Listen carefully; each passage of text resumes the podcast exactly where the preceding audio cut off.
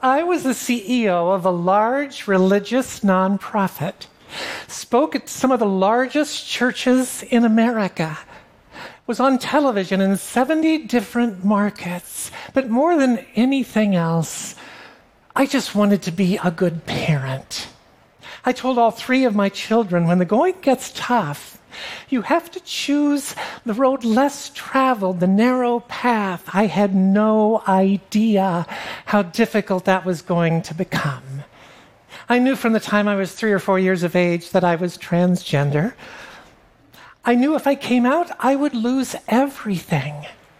But the call toward authenticity is sacred and for the greater good.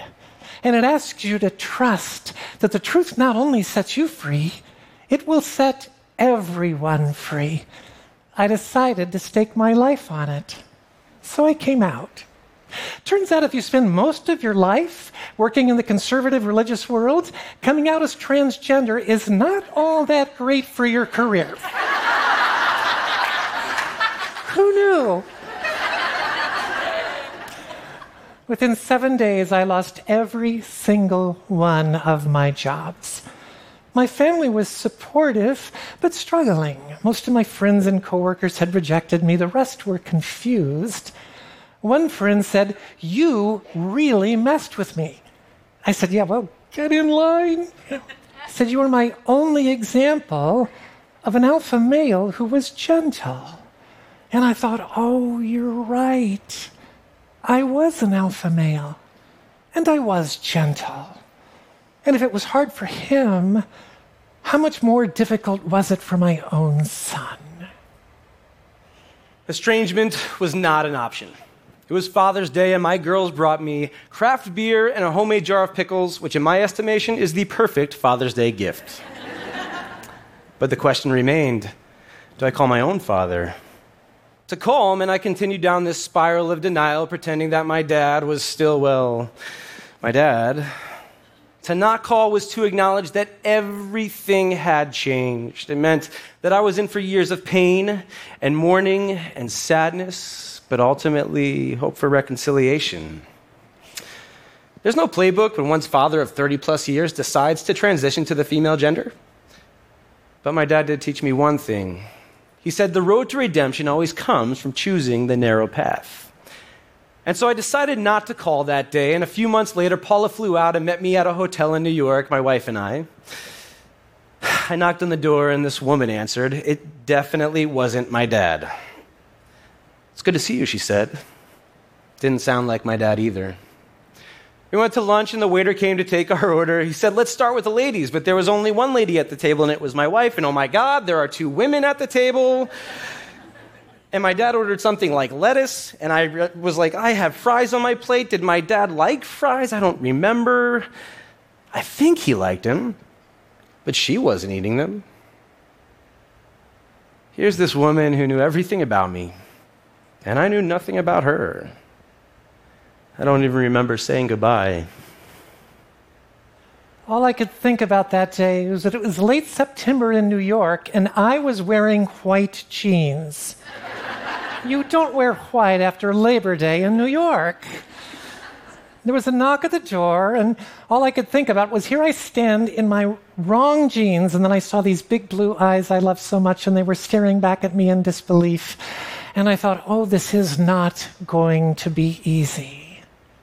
When one person in a family transitions, the entire family transitions, whether they want to or not. Now, for those on the fringes, it was easy. The liberal said, Oh, wonderful, she's found her truth, how delightful. And the conservative said, Yeah, that's messed up, I'm out of here. but for my family, neither extreme was going to work. Their anger, their hurt, their love and loyalty, all of it had to be brought onto the road of trials. Was it all a lie? Every game of catch in the front yard, the Mets season tickets, was that with my dad or was that with her? I remember this one time. My dad took me on a bike ride through Heckscher Park to teach me about sex. He explained the parts of the body that I now know he wished he weren't hers. Had my father ever even existed? No grief, Grief is without rules. Grief borrows your car without asking, wrecks it, and then doesn't apologize.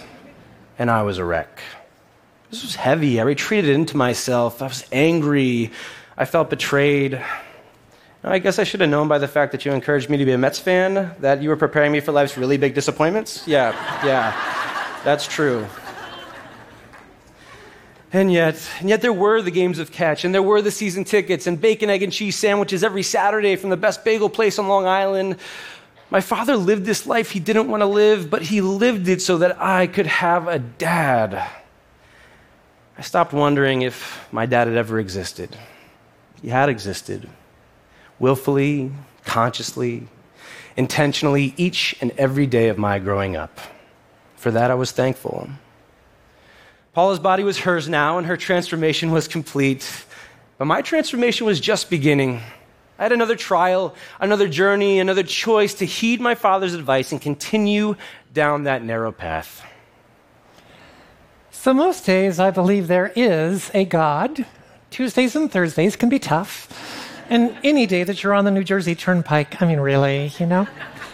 It's hard to believe in God when your soul is in the wrong body. Still, somehow, I ended up in ministry. When I lost all my jobs, it was nothing personal. It's what religious tribes do. They believe an enemy is necessary for the tribe to survive, so where no enemy exists, they create one. Right now, sexual minorities are the enemy. My departure was swift and sure. I was surprised when my son left his job teaching in West Philadelphia to go into the ministry. I did not see that one coming. And now I wondered, what would he do? I didn't have to wait that long to find an answer. Six months after that first visit, he invited me back to New York. The designers of the Brooklyn Bridge, they had their share of bad luck. John Roebling, he died shortly after the bridge's construction began. His son Washington took over, but he suffered from decompression sickness. His wife Emily became the surrogate executive engineer who oversaw the bridge's completion father and son, John and Washington, done in by their work. It was this sunny day in May, and my father and I sat in the shadow of that Brooklyn Bridge. Would our lives follow the Roeblings, father and son, done in by our work. My father thought that her friends in church would, would carry her through her transition, and they did not. They ditched her and they clung to me. I was the pastor of a new church in Brooklyn, this wonderful group of forward thinking people, and yet we were financially tied to really conservative churches. To hold space for Paula meant jeopardizing our own church's livelihood. I sort of straddled the line between these warring worlds. And so I said to my dad, I said, Dad, you know, I still live and work in your old world. Is it, is it possible that you might extend an olive branch for my sake? And her response was impassioned. You said to me, Do you have any idea what it feels like to finally show yourself to your true friends and have them completely reject you? To ask you to live a lie? Do you know what that feels like? And I didn't know what that felt like. But I knew I had a decision to make. It was the decision to continue down that narrow path through nights, but for the first time, I caught a glimpse of light could not ask my father to be anything other than her true self.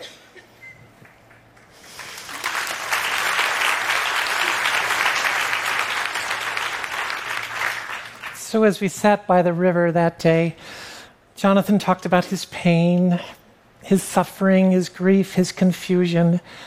He brought all of himself to that conversation,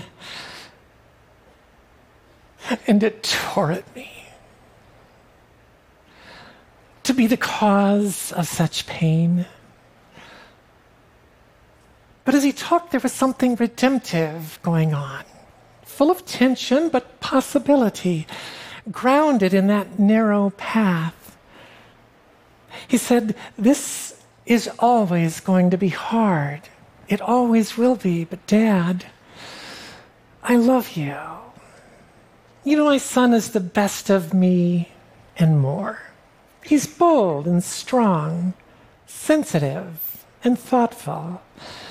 I guess you could say he's an alpha male who's gentle.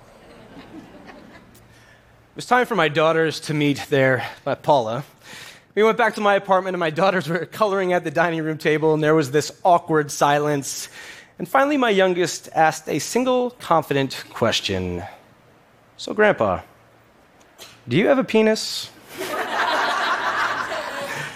and after the tension abated and the laughter subsided, my girls took their grandpa back into their room and showed her their new toys, and they christened her with a new name. They called her Grandpaula.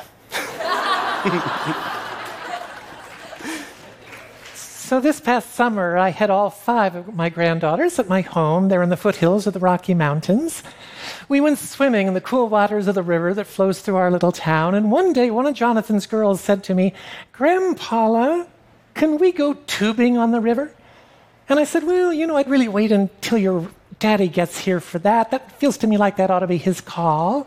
And she said, Oh, but Grandpaula, he'll exactly make the same decision you would. He's a lot like you, you know.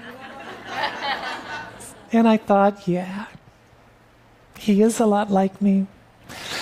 Both of us determined to find the narrow path and follow it through the long dark night, all the way to the light of dawn. Have you ever noticed that a child who is secure, a child who knows love, that, that child will dance? They wave their arms, they kick their legs to a music that only they can hear. It's, it's the music of a child who is safe and unharmed and wholly loved.